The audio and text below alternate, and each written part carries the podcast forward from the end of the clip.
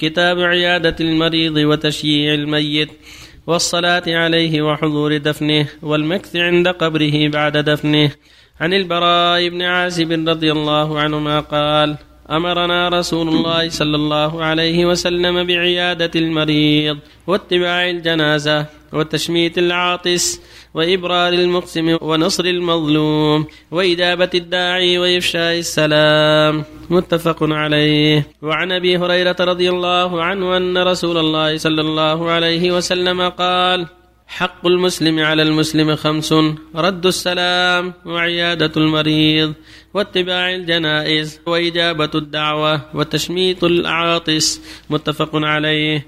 وعنه رضي الله عنه قال قال رسول الله صلى الله عليه وسلم إن الله عز وجل يقول يوم القيامة يا ابن آدم مرضت فلم تعدني. قال يا رب كيف أعودك وأنت رب العالمين؟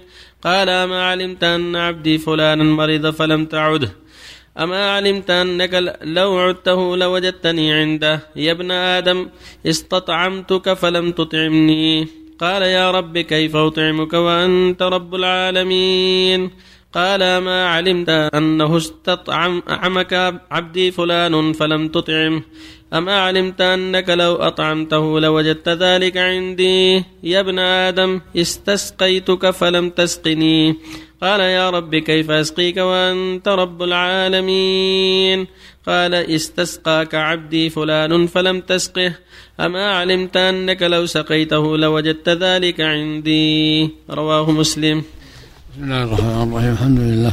صلى الله وسلم على رسول الله وعلى آله وأصحابه ومن اهتدى بهداه. أما بعد هذه الأحاديث كلها تعلق بآية المريض وتشبيه العاطس ورد السلام. يقول النبي صلى الله عليه وسلم في الحديث الصحيح للمسلم على المسلم خمس خصال رد السلام وإجابة الدعوة وإفشاء السوء تشبيه العاطس وآية المريض وإجابة الدعوة. اللفظ الآخر للمسلم على ست خصال إذا لقيت فسلم عليه وإذا دعاك فأجبه. وإذا مرض فعده وإذا عرض وحمد الله فسمته وإذا مات فاتبعه. فالمسلم عليه حقوق كثير لأخيه المسلم. منها إياته إذا مرض منها إجابة دعوته منها تشميته إذا عطس وحمد الله منها رد السلام عليه منها بدءه بالسلام إذا لقي سلم عليه. يقول حديث البراء أمرهم رسول الله بسبع أمرهم بآية المريض واتباع الجنائز.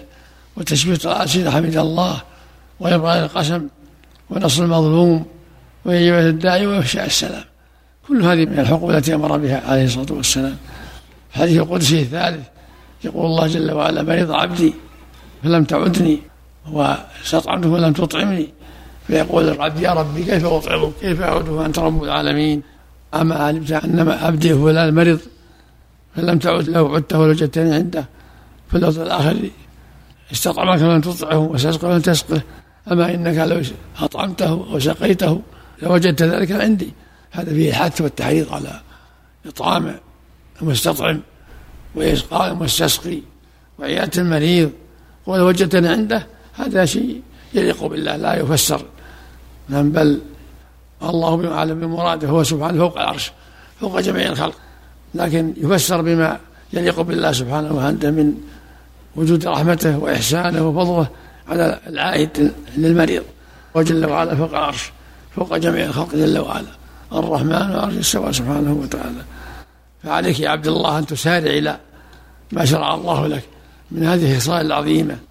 إفشاء السلام إبراء القسم نصر المظلوم إجابة الداعي إفشاء السلام الأمر بالمعروف النهي عن المنكر عيادة المريض إلى غير ذلك. ويقول صلى الله عليه وسلم عود المريض وأطعموا الجائع عود المريض وأطعموا الجائع وكل عاني فخصال الخير كثيرة. فينبغي لك يا عبد الله أن تجتهد في فعل ما تيسر منها. فاتقوا الله ما استطعتم. ترجو ثواب الله وتخشى عقابه سبحانه وتعالى. وفق الله الجميع. نعم. السلام عليكم يا شيخ. كلمة القرآن هو الدستور. الدستور المسلمين يعني حاكم المسلمين حاكمهم يعني. ما في بأس هذا الواجب يعني. صلى الله عليك. امرأة متمتعة وبعد الإحرام حاضت.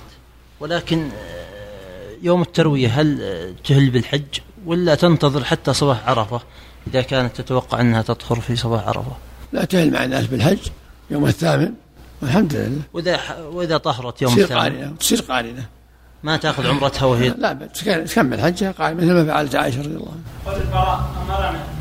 قول صلى الله عليه وسلم حق المسلم هل هو حق إيجابي؟ كل هذا معروف عند العلماء أنه سنة مؤكدة حقوق مؤكدة. ليس أمر إيجاب ولا حق لا، معروف عند أهل السنة والجماعة أن هذه من الحقوق الم- المستحبة المتأكدة. رحمه الله ويهديك وجزاك الله خير.